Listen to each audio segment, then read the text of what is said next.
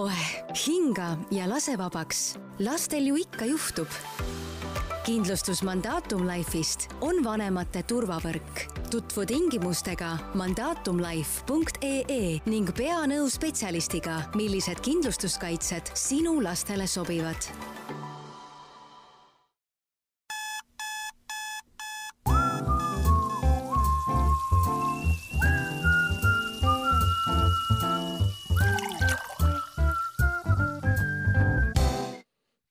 päevast või hoopis tere hommikust või tere õhtust, kallis kuulaja, millal iganes sul on võimalus meie tänast podcasti kuulata.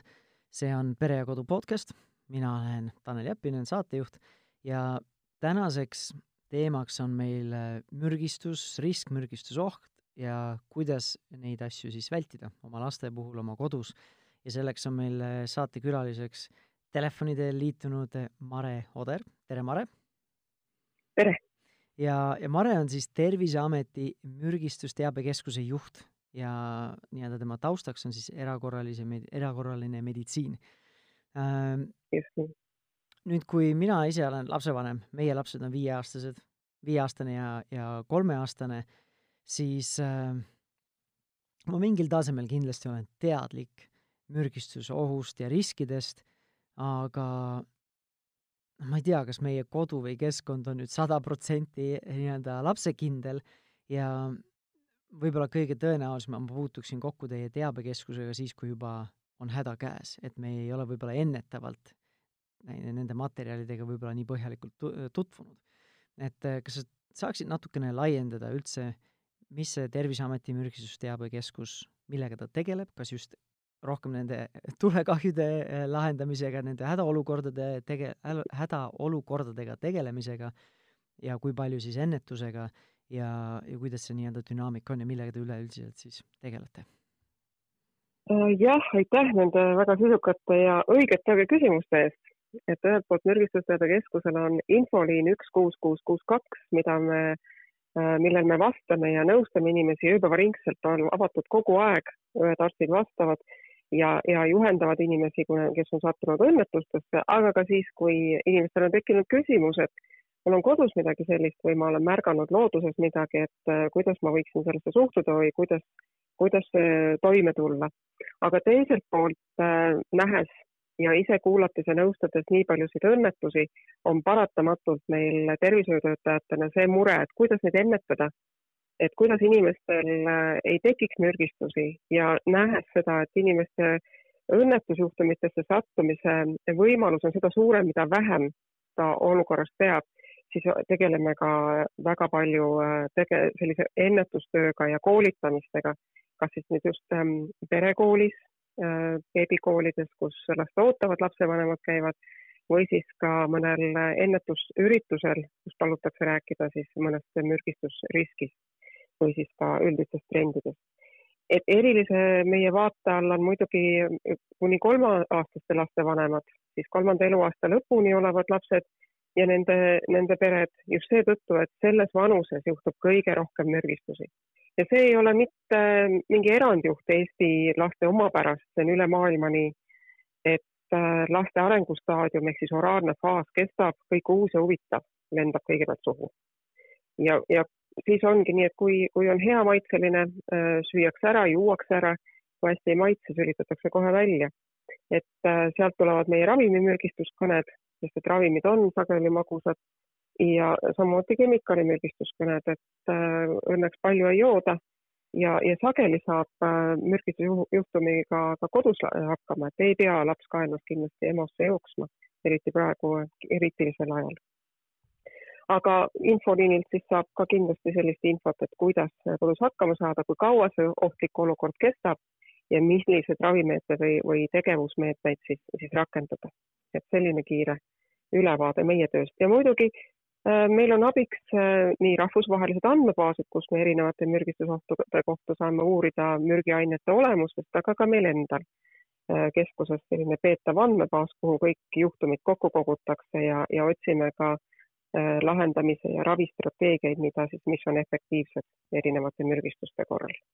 nii et sellised kaks äh, suurt äh, teemat ja lisaks koolitus mm.. ja muidugi, eks elanikkond tahab ikka teada ka, et kuidas neil läheb nende mürgistustega ehk siis statistika ja ja sellised ülevaated tulevad loomulikult ka kõikide nende tööde pealt. ja võime kindlasti öelda ka seda, et peale seda, et kuni kolmeaastaste lastega juhtub kõige enam mürgistusi, täpsemalt öeldes iga teine kõne on lapse kohta, siis enamasti on inimesed hädas ikkagi kemikaalidega Äh, iga, iga teine kõne on siis kemikaalide õnnetusest, iga kolmas kõne ravimitest. ja, ja kui äh, hooaeg lubab, siis tulevad ka erinevad metsas, looduses juhtuvad õnnetused, kus siis lapsed on mõnda punast marja närinud või, või mõne lehe suhu pistnud ja nii edasi.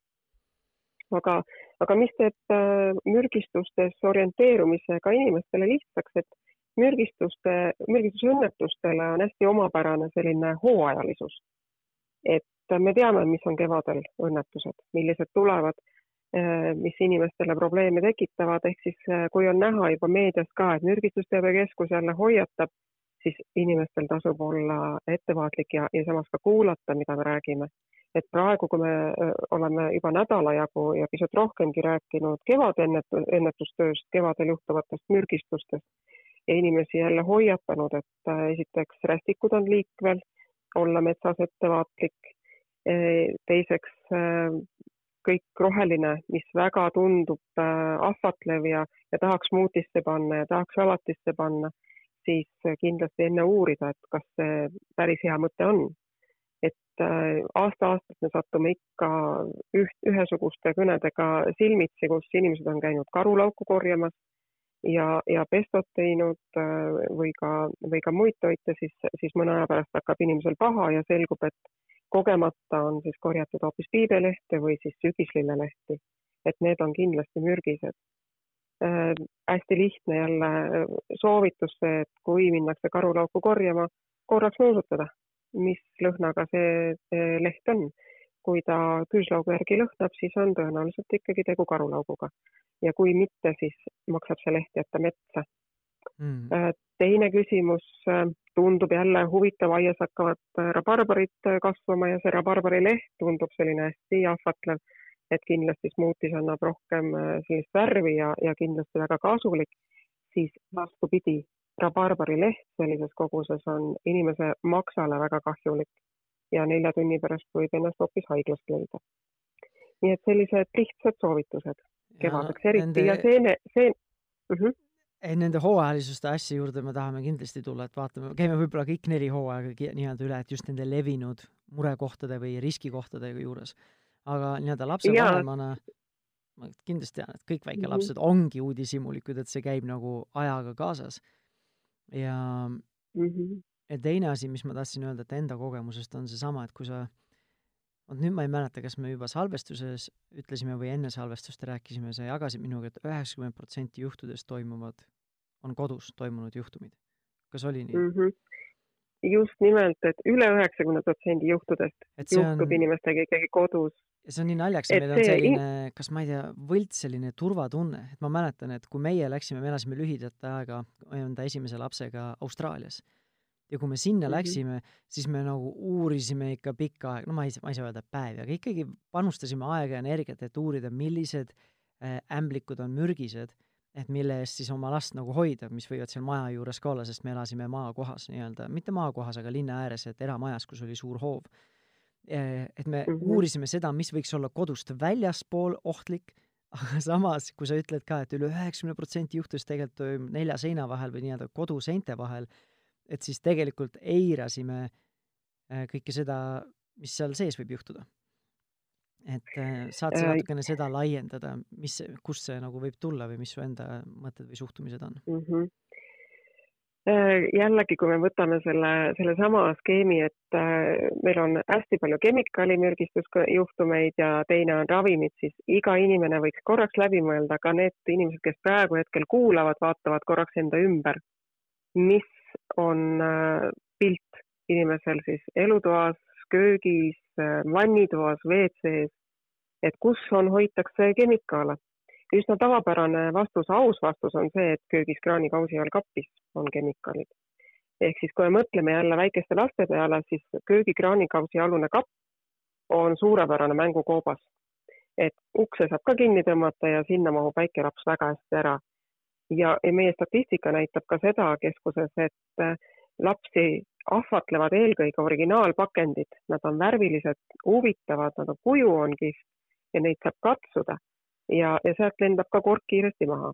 ja nüüd on järgmine küsimus see, et miks on nii, et lapse turvakindlad korgid tähendavadki justkui seda, et laps saab kindlasti lahti. et siin on meie hoiatus ja, ja tähelepanu juhtimine ka sellele, et ega lapsed on ju väga head jäljendajad. lapsevanem on tema absoluutne parim kehastus ühest inimesest ja ta püüab olla väga oma ema-isa moodi. ja kui ema-isa teevad lahti turvakorgid lapse nähes, ta jätab väga hästi meelde kõik liigutused, mis viisid eduka korgi avamiseni ja, ja mis ei viinud, mida ei ole mõtet kasutada. et äh, ja järgmine kord ta avab selle korgi mängleva kerglusega, sest et ta on selle selgeks õppinud. täpselt sama lugu on ka ravimipudelitega, eriti kui on sellised äh, palavikusiirupid või pühasiirupid, siis äh, sealt tuleb see turvakork ka sama kiirelt maha, sest me ei mõtle, kui me selle pudeli lahti teeme, et me teeme seda lapse silme all ja, ja nii need, nii need õnnetused jällegi juhtuvad. teine teema on see, et äh, meil on kodus näiteks patareid. Äh, meil on äh, enamus kodumasinaid töötab ka nööppatareidega, on need siis telekapuldid, erinevad LED-valgusega tuled või midagi sellist.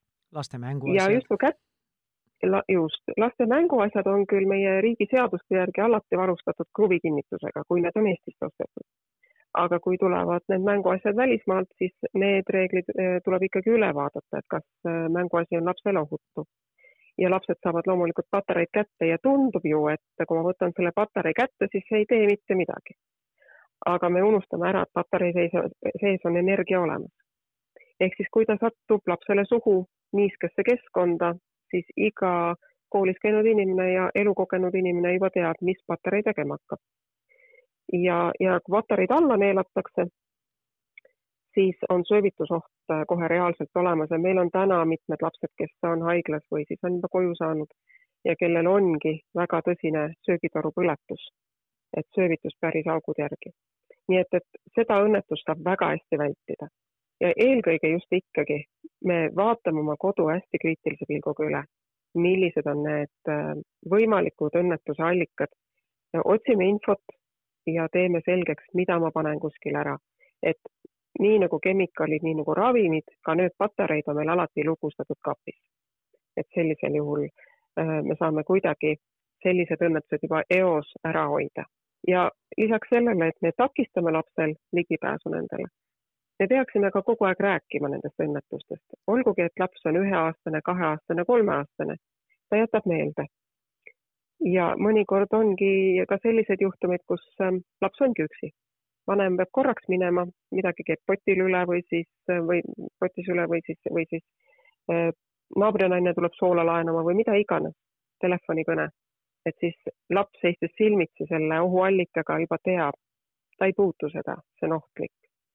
et äh, panustada ka natuke aega, eriti praegu, kus inimesed on palju kodus, sellele, et rääkida lastega ja, ja me ei jää ju sugugi ootama sellele peale ainult, et äh, inimene ise oma tarkusest äh, loeb või, või otsib infot.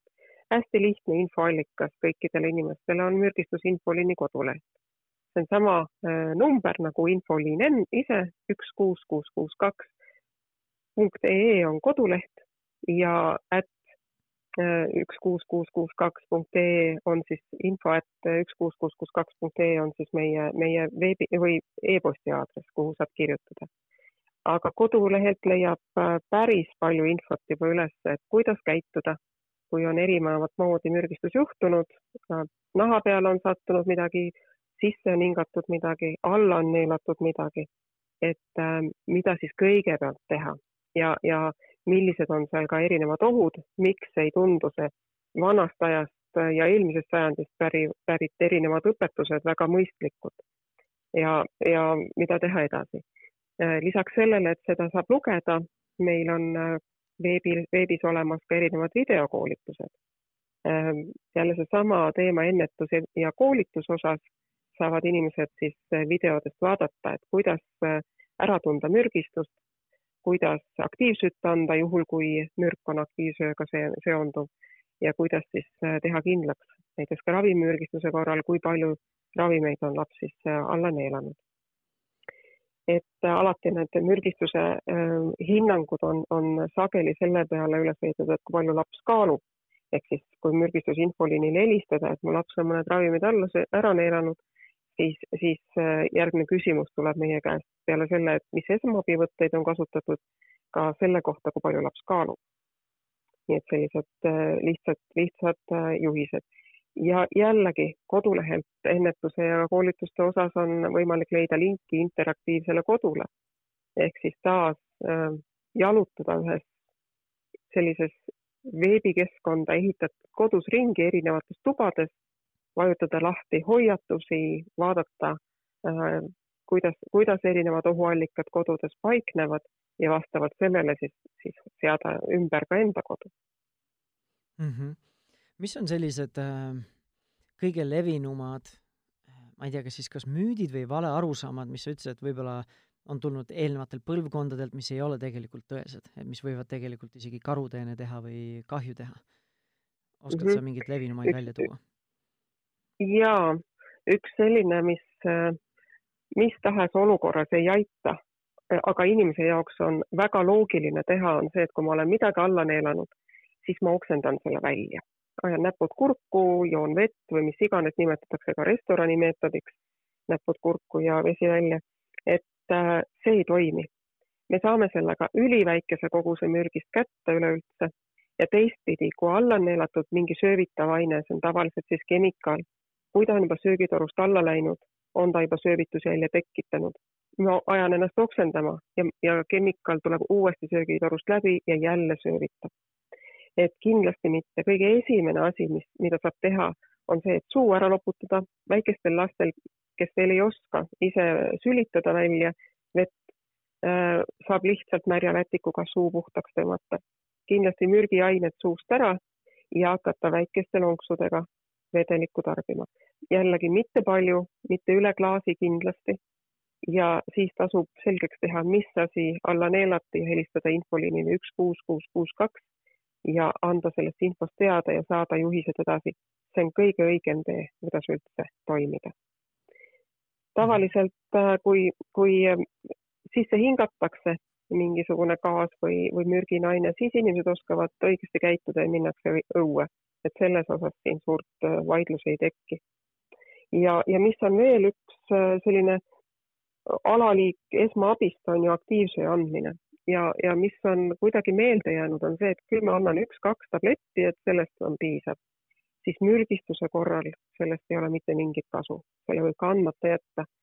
et mürgistuse korral me räägime ikkagi laste puhul sellisest neli tabletti kilogrammi kohta, kehakaalu kohta. Mm.. Kõige raskemal juhul võib ka olla vähem, aga seda hindab alati mürgistusspetsialist, kes siis infoliinil vastab ja täiskasvanute jaoks on see viiskümmend grammi, mis tablettides äh, on suisa kakssada tabletti. päris mitu lehte. on see, just, päris mitu lehte ja, ja kui õnnestub, et inimestel on kodus ka pulbrilisel kujul, no siis on pisut lihtsam neid võtta. Aga tabletina tuleb need muidugi ennem purustada ja selle kohta on jällegi meil kodulehel info ja videokoolitus on olemas, kuidas seda teha ja kuidas seda siis äh, saaks, saaks sisse võtta. mida tuleb hoiatada, on see, et see aktiivsüsi ei ole universaalne ravim kõikide mürgistuste korral. ta on ikkagi väga reguleeritud ja väga hästi peab teadma, mille puhul see aitab ja mille puhul on see suisa vastunäidustatud. aga jällegi, infoliini õde või arst on see, kes siis, kes siis annab nõu. Aga, aga siin on jällegi üks meie palve, et inimesed võiksid varuda endale koju aktiivsütt apteeki, äh, apteegikappi, sest kui seda läheb vaja, seda tuleb võtta poole tunni jooksul peale mürgi, mürgi alla neelamist. võib juhtuda, et näiteks suvilas olles kuskil aadressil kolme kase ja männi vahel ei pruugi kiirabi nii kiiresti tulla. et äh, seda, seda mürgistuse kujunemist või raskusastet saab kindlasti selle aktiivsööga siis äh, teatud mürkide puhul äh, ennetada või, või, vähendada sellist äh, mürgistuse raskust. ja need kogused võiksid ravimid... siis arvestatavad olla, mis võiks varutud olla, mitte ainult üks leht, on ju? jah, just, et ühest lehest paraku ei piisa et äh, kui kiirabi muidugi kohale jõuab ja on tõesti raske mürgistus ja sellise info saab ka meie infoliinilt, kui vastaja nõus, nõustaja ütleb, et nüüd kutsute kiirabi, siis äh, kiirabi muidugi tuleb ja neil on aktiivsusiga olemas, aga selle peale ei maksa väga lootma jääda alati. et targem on ikka ise juba tegutseda ja kui juhised on käes, siis aja kokkuhoiu mõttes on, on mõistlik sellisel moel toimetada. ja, ja jällegi ka apteegikappidest rääkides ja, ja ka tablettidest rääkides, siis ja olles ka vanavanemate juures, kui nüüd see viirusperiood jälle mööda saab, et siis üle vaadata ka, kus kohas neid ravimeid hoitakse, just eriti vanavanemate juures, kes on harjunud omale päevarohud laua peale ritta sättima, et siis ei lähe meelest. aga neid äh, ravimeid märkavad ka lapsed ja nende jaoks ei ole seda elukogemust, kes ütleks, et need ei ole kommid. Need on ohtlikud sellised äh, ained. ja, ja ka lapsed ajavad päris palju segamini Äh, väga sarnaseid asju. kui hüppame siit uuesti, hüppame tagasi kemikaalide peale, siis üks väga suur ja tõsine söövitus, õnnetus on meil pesukeelikapslid. Äh, ikkagi vanematel tekib küsimus, et miks laps võtab, et see on mul ju vannitoas ja see on täiesti läbipaistmatus karbis, sageli võib see karp ka lahti olla, aga laste jaoks äh, meenutab see hoopis midagi muud, kui nüüd korraks ka kuulajad mõtlevad et mis on selline pesukeelikapsli moodi asi, mida antaksegi sellisel kaheksakuusele lapsele kuni veel poolteist, äh, pooleteistaastasele lapsele. ja, ja see on seotud just hammaste tulekuga, need on need äh, närimisrõngad, sageli keelpadjad. et kui võtta need kaks asja kõrvuti, siis need on päris sarnased, nii nagu ka vanematel lastel meenutavad pesukeelikapslid kummikomme. ja neid on ju harjutud sööma ja närima nii et mm. Äh, laps oma vähese elukogemusega lihtsalt ei tee erinevatel ohuteguritel vahet ja kui lapsevanem ei märka, et see võib olla probleem, siis nii ongi õnnetus majas. kas selle aktiivsööja juurde korraks tagasi tulles, kas see, see nimekiri, mille suhtes see aktiivsüsi on üldse vastunäidustatud, on see väga pikk või, või saab siin mingid levinumad asjad välja tuua, et mille suhtes ise teadlik olla? jaa, siin on päris kindlasti alkoholide puhul ta mitte mingisugust toimet ei avalda. teine on valdavalt kemikaalid. valdav osa kemikaalidest on nii ehk nii söövitavad, kas ta on siis tugev hape või tugev alus. sellisel puhul on ta täiesti kindlasti vastunäidustatud, sest teeb olukorra kohe kindlasti hullemaks. et mille puhul me aktiivsust räägime, kui ravivõttest esmaabis on pigem loodusest tulenevad mürgid, on need seenemürgistused ja seenemürgistusi võib meil olla siin Eesti piirkonnas kahte, kaheksat erinevat tüüpi suisa. Äh, erinevate taimede, mürgiste marjadega seotud äh, juhtumid, aga ka äh, valdavalt ravimitega juhtunud mhm. mürgistusõnnetused. muidugi ravimite puhul peab siin küll nüüd ütlema, et mitte iga allaneelatud tablett ja mitte iga allaneelatud mari või või ka seenetükk ei, ei põhjusta mürgistust, et seda hindab alati mürgistusinfoliini nõustaja, konsultant, et äh, kas siin on mingeid ravimivõtteid tarvis äh, võtta kasutusele või siis mitte. ja, ja, ja see, see soovitus alati on hästi läbi kaalutletud, et mida siis edasi teha. et aga kodu õnneks..., kodukemikaalide puhul kindlasti üle kontrollida, et pigem mitte rutata aktiivsööja tablettidega kodukemikaalide puhul mhm. valdavalt ei ole siin aktiivsööga üldse mingit mm -hmm. tegemist ja valdavalt ka vastunäidustatud hoopis. no siis hea, hea teadmiseks kõigile kuulajatele, et et mm -hmm. sel, sel puhul ei ole mõtet aktiivsust testida või proovida, sest mina näiteks, ma ei tea, kas ma olen siis teadmatu, aga mina näiteks ei oleks ise osanud eristada, mõtlesin, et mingi mürgistus, esimene asi, kui sa juba meelde tuletasid, noh, aktiivsüsi, miks mitte mm. -hmm jah, et siin see on keeruline maailm ja sellepärast on ka erinevates riikides üle maailma, igas riigis on olemas mürgistusteabekeskus, kus infoliinil siis õed ja arstid nõustavad, et äh, meie kemikaalide ja ravimite maailm on läinud nii kirjuks, et äh, aidata inimesel orienteeruda, mis on ohtlik ja mida siis teha, kui õnnetus on käes. et on üks number, kus selle eriala spetsialistid vastavadki. selge ja see on üks kuus kuus kuus kaks sai vist õigesti. üks ja kolm kuute ja kaks. aga mm -hmm. võtame nüüd need hooajalised asjad, et alustame sellest praegusest kevad, kevadisest eh, hooajast. mis on mm -hmm. kevadel kõige levinumad riskid, mille suhtes lapsevanemad võiksid teadlikud olla? no kõik ikkagi alustame kodudest, kus kevadel tehakse suurpuhastusi. et äh, ei ole vaja isegi loodusesse minna kõigepealt, et äh, need suured õnnetused juhtuvad suurkoristuste käigus, kus väga huvitavad pudelid tulevad välja ja siis nuusutatakse ja määritakse peale, jäetakse laiali, lapsed joovad selle alla, aga ka see, et täiskasvanud teevad suurkoristust ilma kaitsevahenditeta.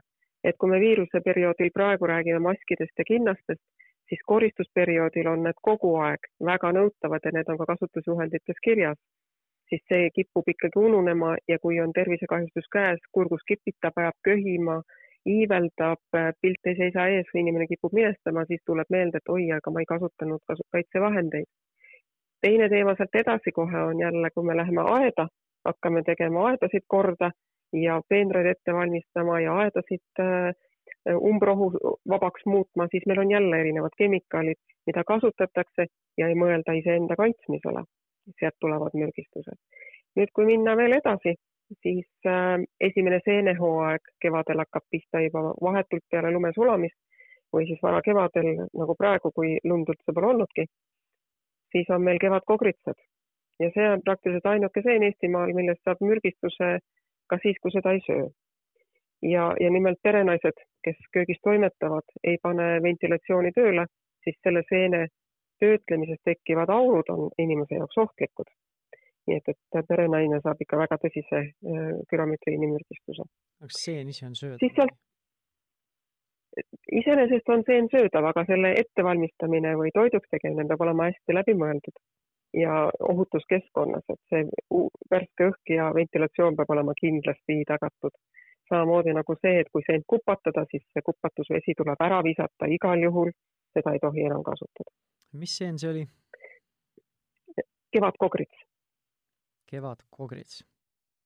kevadkogritsad, et kui panna otsingusse ka internetis kevadkogritsad, siis on see pilt on seal kohe ees, et äh, mis, mis liiki seen on, väga omapärane ja teda naljalt, teda võib ka muidugi segamini ajada, aga, aga ka teised seened on, on sellised söödavad, et tuleb teha selgeks, et kuidas sellist seent üldse valmistada. jaa, väga omapärane küll, meenutab natukene Kreeka pähklit, jah, jah, või mõni ütleb ka, et selline märk kalts on nagu tooli peale visatud. et äh, ja põhiseeneaeg tuleb muidugi suvel, olenevalt sellest, kas siis on vihma või ei ole, kas see on keset suve või hakkab ta sügise poole ja seenehooaega lõpetab tavaliselt jõuluperiood meie, meie inimeste jaoks, kus siis need seened uuesti purgist välja võetakse ja järgmine laine meile keskusesse tuleb. nii et, et äh, mõned mürgiohud lähevad hooajast hooaega. Aga nüüd puhul, suveperi-. kevade puhul sa mainisid ka rästikut ja, ja muid lehti rästik..., igast asju, mis nii-öelda tärkab, mis tärkab loodusega. jaa, rästikutega maksab nüüd olla selles mõttes küll ettevaatlik, et rästik iseenesest on suhteliselt arg loom. kui tal on vähegi võimalust, siis ta koristab ennast inimese tee pealt eest ära. aga kui tal ei jää muud valikut, äh, inimene tabab teda ootamatult ja eks ta on selline mõlemal poole ootamatu, siis rästik ikkagi ehmatusest salvab. Äh, rästikul on tavaliselt äh, küll hambajäljed sellised üsna tüüpilised, ainult et ka rästikud vahetavad hambaid ja siis on inimestel satud, satuvadki segadusse, et mul on ainult kaks täppi või mulle, mul ei ole, on ainult üks või et kas see on rästikuhammustus. üsna tõenäoliselt äh, siiski oli, eriti kui jalg läheb paiste äh,. tavaliselt on siis metsas liikudes äh, tabab rästik jalga, kui läheb suveperioodil, rästikud äh, on ka järvedes ja roostikus, siis ta võib tabada inimest ka kaela ja pähe. aga just kevadel on selline ootamatu, kus äh, rästikud kevadel alles hakkavad liikuma, nad on võib-olla natukene unised ja uimased siis, siis ei jõua nad nii kiiresti eest ära liikuda, aga mida teha? inimestel on ikka see küsimus, et aga nüüd, kui ma sain hammustuse, et mida ma siis teen siis? esimene soovitus on alati seda hammustuskohta minna näitama arstile. on see perearst, on see erakorralise meditsiini osakond, aga arst peab selle üle vaatama. et äh, mida siis ra soovitada raviks ja, ja mida tähele panna, sest et inimesed oskavad küll karta seda hammustushetke, kuid teine ohtlik periood on siis, kui on efektiivne hammustus, mürk on olnud äh, ja inimest, inimese naha sisse läinud, äh, siis ja paistetus tekib, siis paistetuse alanemine on järgmine hetk, kus inimene peab olema tähelepanelik, eriti kui tal on äh, mõni kaasuvaigus, mis on seotud neerudega. et need hoiatused saab kindlasti kaasa, mida ma kindlasti esimeses järjekorras, kui on nüüd salva, salvamine toimunud, et mida teha, on see, et inimene võimalikult vähe võiks liikuda. see tundub äh, päris keeruline, kui ma olen üksi metsas. no siis tuleb muidugi kahest halvast valida vähem halvem, ikkagi arsti poole hakata liikuma või siis kutsuda omale kiirabi järgi. Aga nüüd, kui inimese hirmust rääkida, siis äh, ikka muretsetakse, et aga antidooti või vastumürki midagi, siis seda ma pean küll ütlema, et äh, rästikumürgile on kindlasti antidoot Eestis olemas, seda on haiglates olemas. aga üliharva läheb seda vaja, sest et äh, tavaliselt rästiku hammustused on küll ebamugavad, sunnivad pikalt olema kodus ravil, aga ta siiski eluohtlik on, on väga vähestel tavaliselt väga tundlikel või allergilistel inimestel. ehk siis äh, rästikuhammustus äh, võtab paranemiseks tavaliselt üks-kaks kuud. Äh, kui on, kui on selline lihtsam ja ainult kraapimisega selline vigastus, siis võib-olla isegi vähem, aga ta läheb ikka mööda. nii et nendest rästikutest siis selline, selline kiire ülevaade ja rästiku. rästiku nii-öelda mürk on siis, on ta oluliselt kas tugevam või suurema mõjuga lastele või, või väga vahet ei ole? ta on kindlasti lastele tundlikum ja, ja väga eakatele inimestele samuti, nemad on kaks riskigruppi, äh, millel, kellele tuleb eriti tähelepanu pöörata ja, ja kindlasti minna arsti juurde näitama. meil on täna ka teada, et teatud inimesed ütlevad, ah, ta on nii tugev ja ta on nii hea tervisega, et tema küll ei lähe arsti juurde seda näitama. siis ma ikkagi soovitan see ükskord ära käia on ülevaade saadud ja juhised ka saadud, et äh, üks äh, arstis oma silmadega üle vaadanud juba selle hammustuskoha. selge. nii, kas oleme kevadega enam-vähem ühel pool, saame, lähme suvehooaja peale või? jah, eks äh, nüüd kevadel jah, suuremad mured nii nende roheliste asjade söömisega, mis maast ärkavad, kui ka seentega, rästikutega on nüüd räägitud.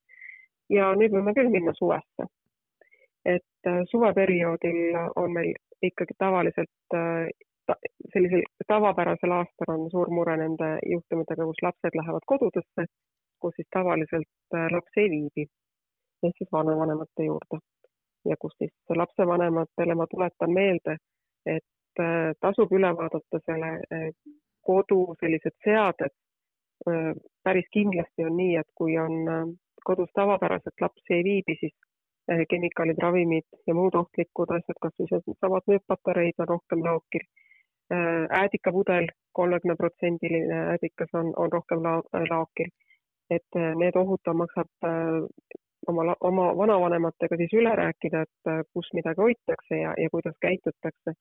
ehk siis ka lapsevanemad on meile kurtnud õnnetuse järgi, et aga nad ei taha oma vanematega tülli minna, et et kuidas ma ütlen, et pane ära ja et harjuta ümber või, või midagi taolist, siis lapsevanematele me tuletame ikkagi meelde, et äh, lapsevanem, ema, isa on oma lapse advokaadid selle, selles äh, juhtumis küll, et nemad vastutavad, kas nad jätavad lapse ohtlikkusse keskkonda või nad äh, teevad ikkagi selle keskkonna ohutuks ja lapsed saavad seal viibida. et sellised teemad maksab ka enda jaoks valmis mõelda ja läbi mõelda samuti ka see, et äh, vanemad inimesed eriti on harjunud kasutama just äh, kolmekümneprotsendilist äädikat oma kodus, et mida meie äh, inimestele meelde tuletame, et pigem mõelda koju ostmisele siis, kui on sellist kümneprotsendilist äädikat või veelgi lahjemat äädikat. Et muidugi saame ka aru ka sellest, et enamus retsepte on antud kolmekümneprotsendilise äädikaga aga siit kerge arvutus annab räädika ka kümneprotsendilise lahjendusega. ja miks me seda inimestele meelde tuletame ja südamele paneme, on see, et äädikaga juhtub meil aastas päris palju õnnetusi. pudelid on üsna veepudelite moodi ja neid valatakse ka ümber, mitte originaalpudelitesse. Ehk siis, et mugavam oleks kasutada aga nüüd, kui õnnetus juhtub ja kogemata juuakse seda kolmekümneprotsendilist äädikat, siis see on tugevalt söötav. vastupidiselt kümneprotsendilisele äädikale, mis tekitab küll ebamugava ärrituse kaheks-kolmeks päevaks, aga ta möödub ja ta ei jäta jäävat kahjustust. ja kuidas need õnnetused juhtuvad, on jällegi igapäevane kodune tegevus, ehk siis äh, katlakivi eemaldamisel kasutatakse kas siis äädikalahuseid või siis ka katlakivi eemalduslahuseid ja unustatakse ära, et masin on tegelikult töötluses. eakatel inimestel täpselt samamoodi nagu ka noorematel inimestel, et äh, tehakse teed, lahjendatakse piimapulbrit beebidele või siis äh, keedetakse makarone ja tuntakse küll, et on kibe maitse, aga ei osata tähelepanu pöörata, kuni siis avastatakse, et appi, mul oli seal ju selline vahend sees, et ma tegin tegelikult päris kemikaaliga oma perele süüa. Et need äh, juhtumid maksab, maksab korraks äh, ette võtta. ehk siis suvel on suur kui... asi just need vanavanemate või teiste sugulaste kodud, kus ta, kes tavaliselt, mis mhm. tavaliselt mm -hmm. ei ole nii-öelda siis lastekindlad või laste, laste, lapsi arvestades nii-öelda, ma ei tea, seatud. et see tasub lihtsalt korraks meelde tuletada ja mõelda, et kõik ei ole nii enesestmõistetav. et ma lähen teise keskkonda, ma mõtlen korraks läbi, kas see on see koht ja mõelda ka, kui minnakse külla või siis seesama vanavanemate juurde, suviti ikka on nii, et inimesed reisivad ja liiguvad rohkem ja minnakse külla, kui eriti kui nüüd viiruse periood jälle seljatatud saab. et kuhu pannakse käekotid, et mida meil käekottides tegelikult on jällegi? Äh,, olgu see siis vanavanemad tulevad lapselastele külla või siis äh, minnakse ise külla. Et seal on ikka mingeid ravimeid või siis on nikotiinitooteid, need on ka kodus laiali, et need peaksid olema kindlasti silme all, et lapsed ligi pääseks, et meil on täna ka suviti on just see küsimus, kui, kui lapsed pääse, pääsevad äh, nikotiinitoodetele ligi, on need siis äh, nikotiinipadjad, mis on maha kukkunud või on laua peale pandud, need lõhnavad meeldivalt. laps äh, näeb neid kui komme ja pistab endale sugu, et aga selline mürgistus võib olla päris eluks, eluga, eluks ohtlik, et, et, et väga kiired mürgistusjuhtumid on sealt tulemas. Hmm. nii et jälle, ja ravimid muidugi. mida, mida tavaliselt kõrvaline isik ei oska isegi mõelda sellisele ohule. jah, sest et ega need, kes tarvitavad, ei tule selle peale, et, et see toode võib tunduda, tunduda selline äh, ahvatlev lapse jaoks ja eriti kui, mismoodi me nikotiinimürgistuskõnet sisse saame, kus vana, vanemad eh, või siis ka tarvitajad, teised täiskasvanud ise on ehmatanud, aga see oli ju tubakavaba toode, siis see ei tähenda, et see ei sisalda nikotiini hmm.. senikaua, kuni toode sisaldab sellist närvimürki nagu nikotiin, on ta lastele eh, kindlasti oht, ohtlik, et eh, mürgistus on, on, on kohe siis selle järgi saabumas. et olgu see siis e-sigareti täitevedelik, näiteks e-sigaret ise või siis plaastrid, mida tarvitajad endale nahale panevad. Äh, kukub plaaster nahalt ära või siis leiab laps voodisse hüpates, et oi, et siin on huvitav plaaster. on nikotiininätsud, mida näritakse korduvalt, nagu ma olen aru saanud, ja vahepeal pannakse laua peale või kapi ääre peale ja sealt need lapsed leiavad, aga see sisaldab ikkagi nikotiini. nii et, et peale nende toodete on ka erinevad asendustooted, mis lastele tekitavad äh, tõsiseid äh, küsimis, küs-, äh, tõsiseid ohtlikke allikaid või mürgistusallikaid. Et tasub äh, kogu see liiklus seal kodus natuke läbi vaadata, eriti just siis suvel, kus kodus võibki olla pisut rohkem inimesi ja väga erinevaid inimesi, et läbi joosta. nii et see on siis suvega seotud. ja lisaks siis need äh, looduses äh, peituvad nii-öelda siis ohukohad ja riskid, mis suvel ilmselt on samamoodi, tehakse rohkem metsas, marjul, seenil, rohkem veel rohelust ja, ja nii edasi. ja metsas maks-, kui metsa nüüd lastega minna, siis maksab küll öelda, et igat marja, igat lehte, igat seent ei maksa näksida.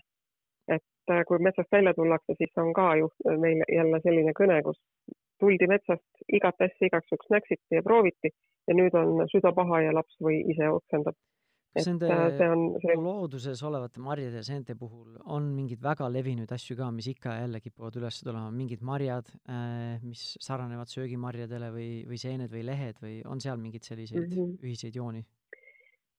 Äh, kui me räägime nüüd marjadest ja, ja tegelikult ka seentest, siis äh, mida võib täiesti rahulikult öelda inimese hirmu maha võtta, on see, et Eestis äh, loodus on suhteliselt leebe kui me räägime marjadest ja, ja seentestki, me peame teadma, mida me korjame ja, ja selle endale selgeks tegema, aga tavaliselt sellised üks kuni viis, kuni viis marja mürgistust ei põhjusta, olgu ta kas või ussilakk, mida kardetakse, piibelehemarjad. Äh, ühe marjaga päris kindlasti mürgistust ei juhtu. ja kas see on tõene ka laste puhul või ainult täiskasvanute puhul? jaa, laste puhul samamoodi. et ei ole, ei ole muret muidugi võib, võib juhtuda, et, täpselt ei oska hinnata, et ma arvan, et alla viie marja me peame hindama, kui laps, kaua laps oli üksi ja kui palju seal piirkonnas marju võis olla mm.. seda me peame küll alati hindama. muidugi ussilakamari, kes on vähegi proovinud, ei maitse väga magusalt. nii et, et laps pigem proovib ainult seda ühte ja ta kasvab ka üksinda, et sealt rohkem ei, ei alla ei neelata.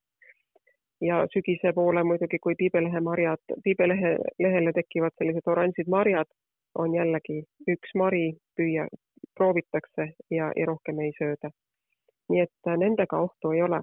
nüüd äh, ja taimedega üks väike näksimine, mida laps teeb, sageli sellist äh, ohtu ei põhjusta.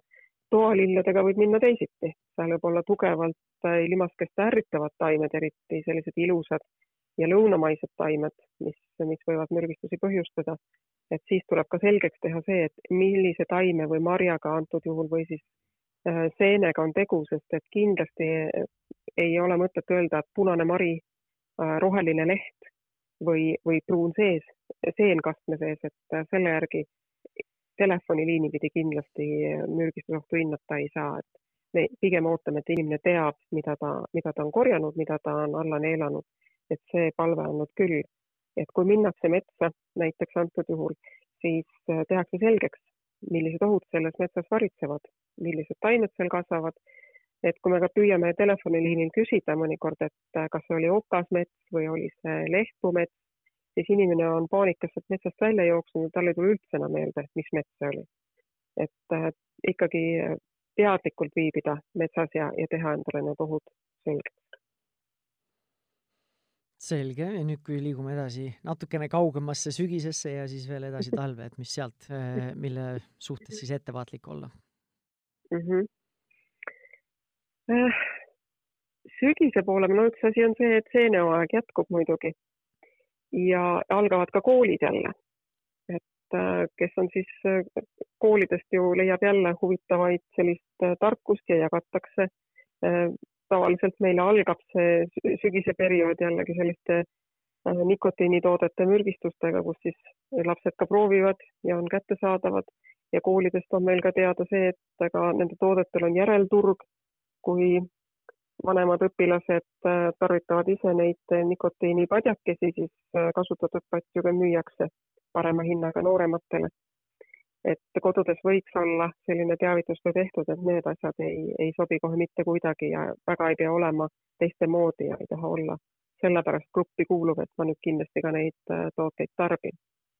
ja see ei puuduta mitte ainult teismelisi, vaid ikkagi päris noori kooliõpilasi aga kodudes on jällegi harjub, on harjumine koduse eluga, kõikide nende ohtlike ainetega, mis siis äh, jälle on äh, kodudes kättesaadavad, on need kemikaalid, ravimid jälle, et maksab äh, teemad üle käia. nüüd suvehooajast jäi üks teema küll rääkimata veel, on erinevad süütevedelikud, mis kodudes kättesaadav on, et lastest eemal hoida, samamoodi rotimürgid, sipelgamürgid et kui ka pisikesed lapsed muru peale käputama pannakse, siis kindlasti vaadata, ega sinna ei ole lähedale pandud sipelgamürki. et äh, kuna see on suhkru baasil, siis lapsed seda ka, seda hea meelega äh, sisse söövad. aga sealt edasi minnes äh, muidugi sügisel hakkab suur sissetegemiste hooaeg ja siis me räägime jälle sellest, et äädikas võib kodus olla kümneprotsendiline, mitte kolmeprotsendiline, ega erinevad muud Äh, hoidistustega, hoidiste tegemisel kasutatavad äh, vahendid, mis, mis võiks olla korraks läbi vaadatud. samamoodi suurkoristused, jällegi kemikaalid või jällegi, kuidas mingisuguseid äh, koristusperioode teeme. koristustega me oleme tänasel intervjuul ka juba mitu korda sellele teemale sattunud ja sellest rääkinud. ehk siis, kui on kodus ikkagi väikesed lapsed, siis koristustsoonis või kui lapsevanem koristab, siis äh, sellest toast on lapsed ikkagi eemal. et äh, kemikaalid, mis siis hetkel ei ole silme all, et need on lastele kuidagi lihtsamalt kättesaadavad. ja enne suurt kooliaega veel, vahetult enne sügist tehakse palju remonti kodudes, siis jällegi lastel on ligipääs erinevatele värvidele, mida siis süüakse, peale määritakse, sisse hingatakse. et kindlasti ka jälle mõelda selle peale, et need vahendid ei oleks väga laiali. selline kiire ülevaade, ma kohe püüan meenutada, et kas midagigi veel. kooli ajal muidugi ka, kui on vanemad õed-vennad. kord-, korduma, et ongi need kodused ja loodusasjad, aga siis sügisel tuligi just need kooliga seotud ohud, on ju mm. -hmm, mm -hmm. ja ka kodude ettevalmistused jällegi selleks kooliperioodiks.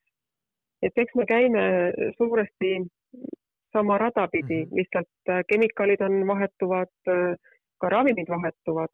näiteks jällegi äh, tavaliselt selline viirusperiood hakkab infoliinil märku andma sellest, et meil elavõrda termomeetrid purunevad, ehkki neli-viis aastat neid juba ei müüda, on inimestel nad kodudes ikkagi olemas ja siis on suur mure, et mida ma elava, elavõbedaga võin teha.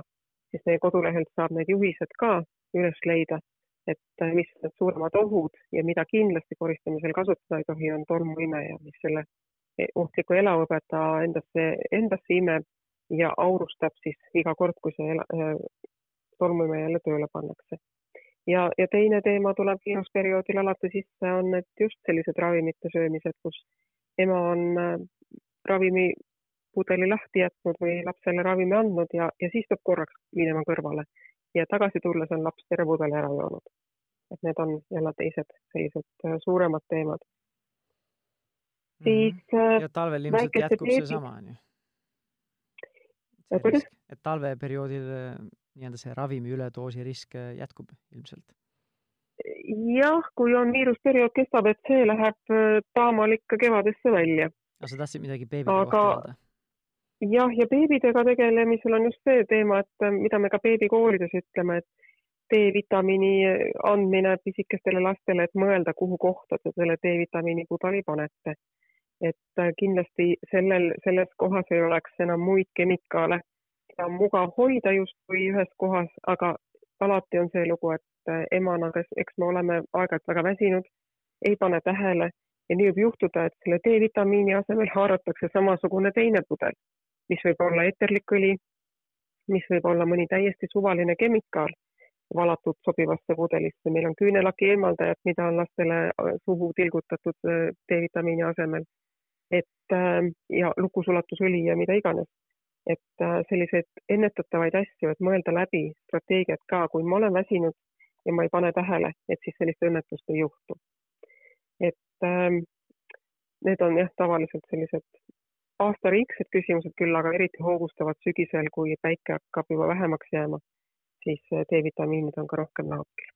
aga õnneks on muidugi D-vitamiiniga ka see, et kui et pudel, eh, pudelist eh, annustamine pisut sassi läheb, siis D-vitamiiniga õnneks väga suuri selliseid muresid mürgistuse valdkonnas ei ole. on talveperioodil ka mingeid eripärasid või, või enam-vähem sama, mis sügisel ja kevadel enam-vähem kokku? Talveohud on meil suisa kodulehel edasi ära toodud ja see on suuresti seotud detsembrikuuga. ja mida me siis oma kodudes teeme, et meil on ühelt poolt patareid laokil, et meil on patareitoitel, igasugused küünlad laokil. meil on erinevaid äh, vedelikke, kaunistusi, mis võivad laste kätte sattuda, ohtlikke taime, mis tekitavad äh, tõsist ärritust, koralltomat näiteks väga ilusa kujuga aga ometigi, kui sellest tomat ära süüakse, hakkab laps kohe kiiresti kooksendama. et õnneks küll mingit väga suuremat muud mürgistust ei teki.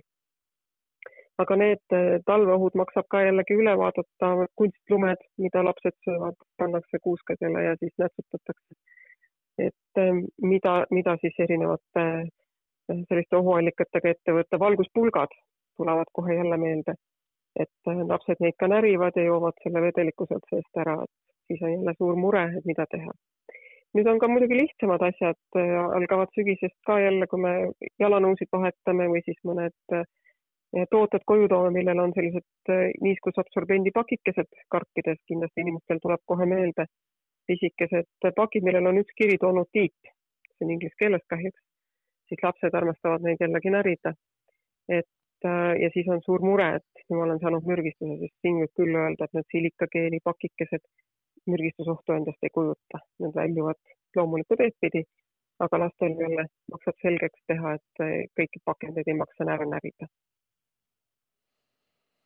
no selge, sinu, sinuga vesteldes tekib endal ka ärevus, et nüüd, et kui ohtlikus maailmas me elame, aga eks sellega ei ole mõtet nagu liiale minna, aga samas tuleb leida kuskil selline tervislik tasakaal, kus me hoolitseme nii-öelda teatud riskide nii-öelda maandamise eest, et me saaksime siis tegelikult seda murevabamalt oma seda igapäevaelu nautida. just nimelt. et me oleme siin tegelikult päris pikalt juba lobisenud, et kas, kui me hakkame nüüd see otsi kokku tõmbama, kas sa ise tunned, et on nagu sellised nii palju, kui me suutsime siia neljakümne viie, viiekümne minuti sisse mahutada, et on nagu enamus oluline esmasest informatsioonist jagatud või on jäänud midagi kripeldama, midagi veel äh, märkimata? jah, no tegelikult suured teemad on kõik ära räägitud ja, ja tegelikult oleks võinud kogu selle intervjuu kokku võtta hästi lühidalt, et kõik mürgistused on ennetatavad.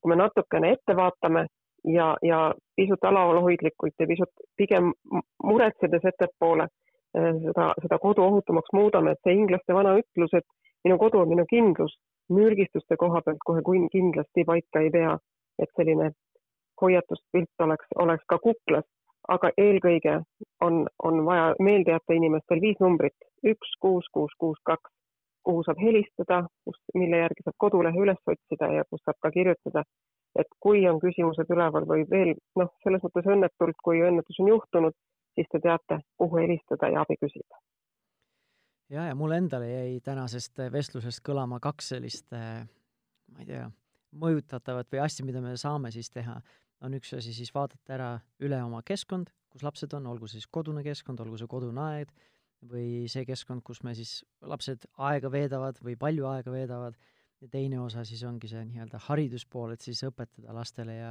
korrata neid üle, et mis on okei okay käitumine, mis ei ole okei okay käitumine, mis on ohutu käitumine, mis on siis potentsiaalselt riskikäitumine et siis neid kahte asja, mida me saame siis kontrollida või mõjutada, on keskkond ja siis see haridustöö, mida me siis iseenda ja oma lastega teeme. just nimelt, just nimelt. noh, ta aga et, äh... nii, ma segasin vahele korraks.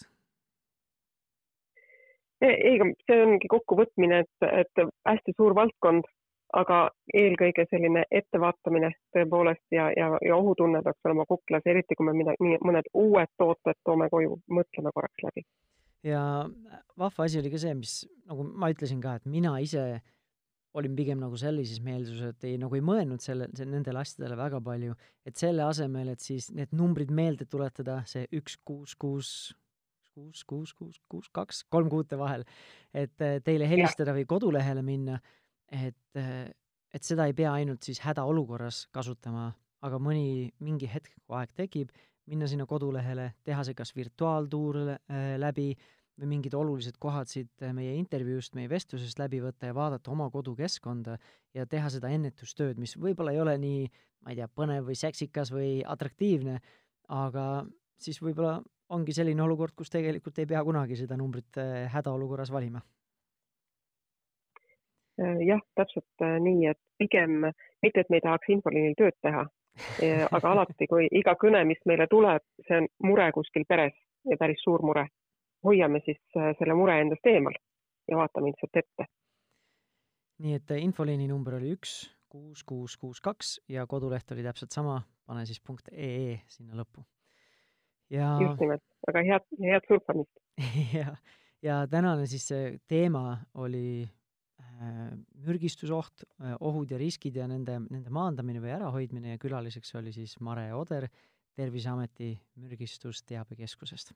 aga aitäh sulle, Mare, veel kord, et sa võtsid selle aja, et meiega oma ekspertiisi ja, ja kogemust jagada. aitäh!